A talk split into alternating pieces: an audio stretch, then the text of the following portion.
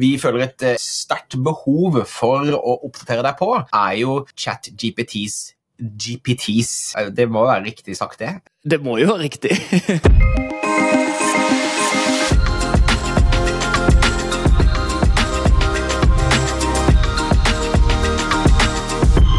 Hjertelig velkommen tilbake til en ny episode av Oppdatert AI. Mitt navn er Thomas Moen. Med meg har jeg partner in crime Thomas Skavhellen, eller Skavhellen for short, i og med at vi begge er Thomaser.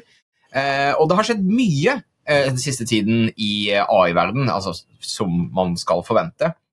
Men en av de tingene som vi føler et, et sterkt behov for å oppdatere deg på, er jo eh, ChatGPTs GPTs, eh, for å, for å eh, Det må være riktig sagt, det. Eh, Det må jo være riktig. GPT.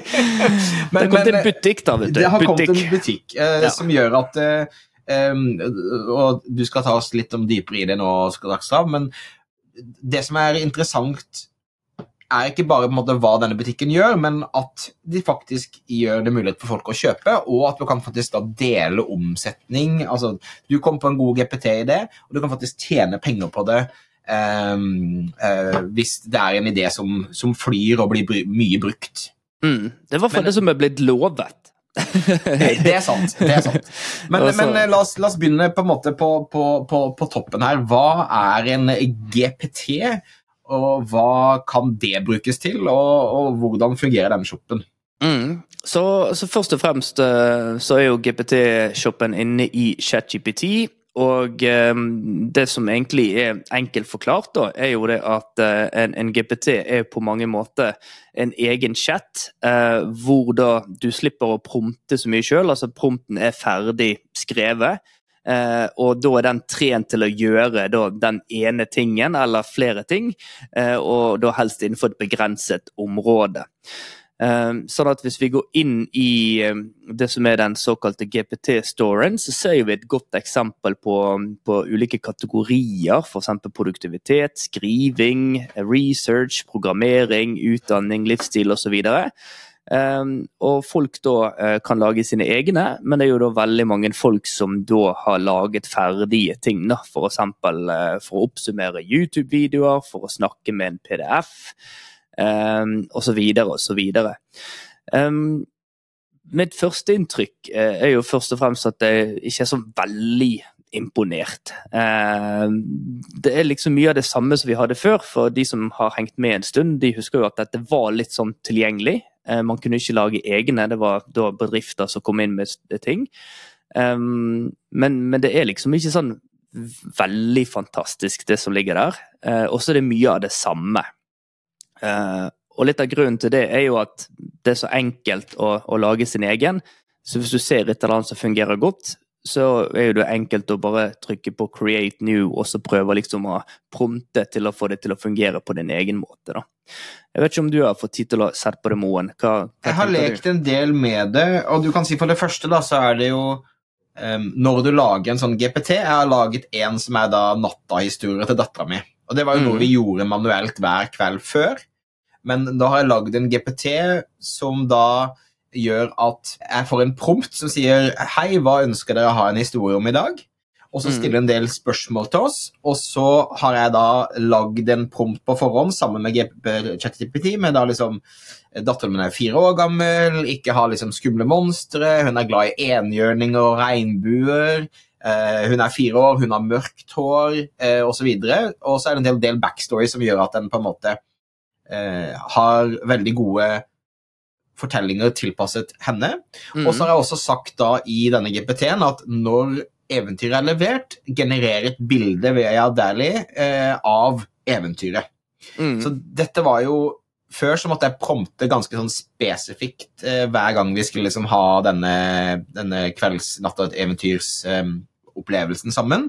Men, men med da at eh, ChatGTP har da hatt en dialog med meg om hvordan den skal oppføre seg, gjør at eh, det er en ganske sånn god opplevelse hver gang vi bruker den GPT-en. Mm. En annen GPT som eh, jeg har laget, er da um, Vi får veldig lange barnehagemail, men Mm. ofte mye viktig, relevant informasjon. Så da har jeg lagd en, en bot som da oppsummerer og lager action points og foreslår ting som jeg burde vite av viktig informasjon, og, og, ting jeg må gjøre. F.eks. restokke med varme klær eller et eller annet i den duren.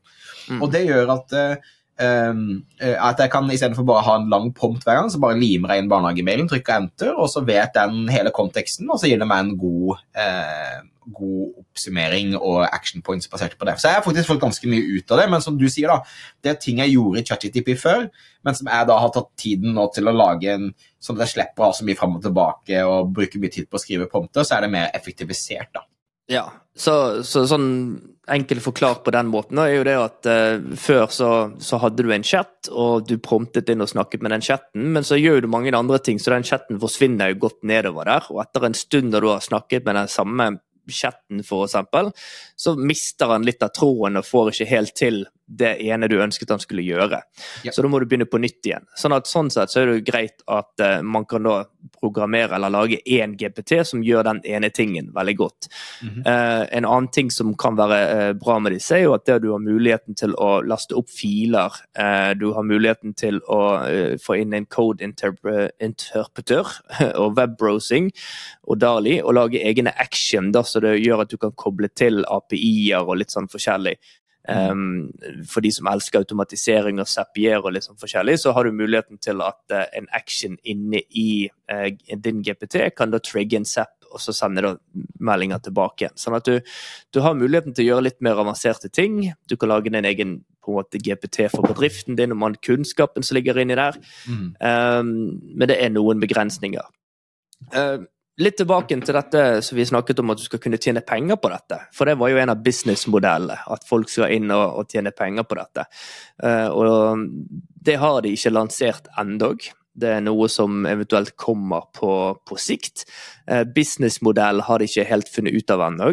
Uh, det blir ikke litt sånn som i AppStore, at det blir en prosentsplitt. Sånn sånn, ja, at du sitter hjemme med 70 eh, noen sitter hjemme med 20 For det, det handler litt om bruken eh, istedenfor, tenker jeg, siden det er en sånn eh, 20 Er det det vi betaler 20 dollar i måneden? Eller noe sånt. Ja, ikke sant? Så mm. du skal jo prøve å lage en splitt av den delt på alle de GPT-ene du eventuelt bruker, da. Ikke sant? Så vi snakker nok om eh, mikrosent her per bruk i så tilfelle, hvis det er noe som skjer i det hele tatt. Mm. Eh, det jeg òg har sett, er jo det at det, kommer jo alltid tredjepartsprogrammer oppå disse programmene.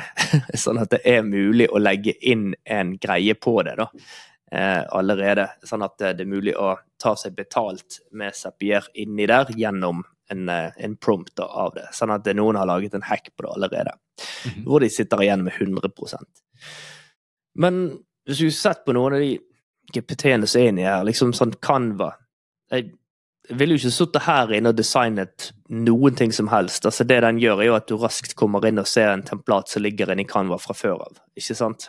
Ja, og du kan si jeg har prøvd eh, seks ganger og ikke fått det til å funke.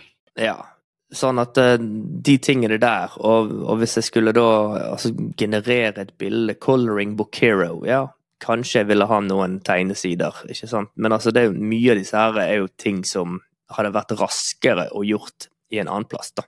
Mm. Um, lage videoer inni GPT her. Jeg ville heller gått inn i Weed og gjort tingene der inne, ikke sant? Ja. Um, men uh, vi, vi, kommer med, med, en oppdatering litt seinere på de uh, GPT-ene som vi likte best. Uh, det som er greit å vite, er i hvert fall dette ligger klart nå uh, på chat.openeye.com gpts hvis du har abonnement på ChatGPT. Så det er jo det vi, vi har om GPT-er for denne gang. Vi prøver å komme tilbake igjen til, på et senere tidspunkt med en oppsummering av de GPT-ene vi liker best, og de som faktisk er nyttig. Eh, inntil den gang så har du blitt eh, oppdatert, og vi ses i neste episode.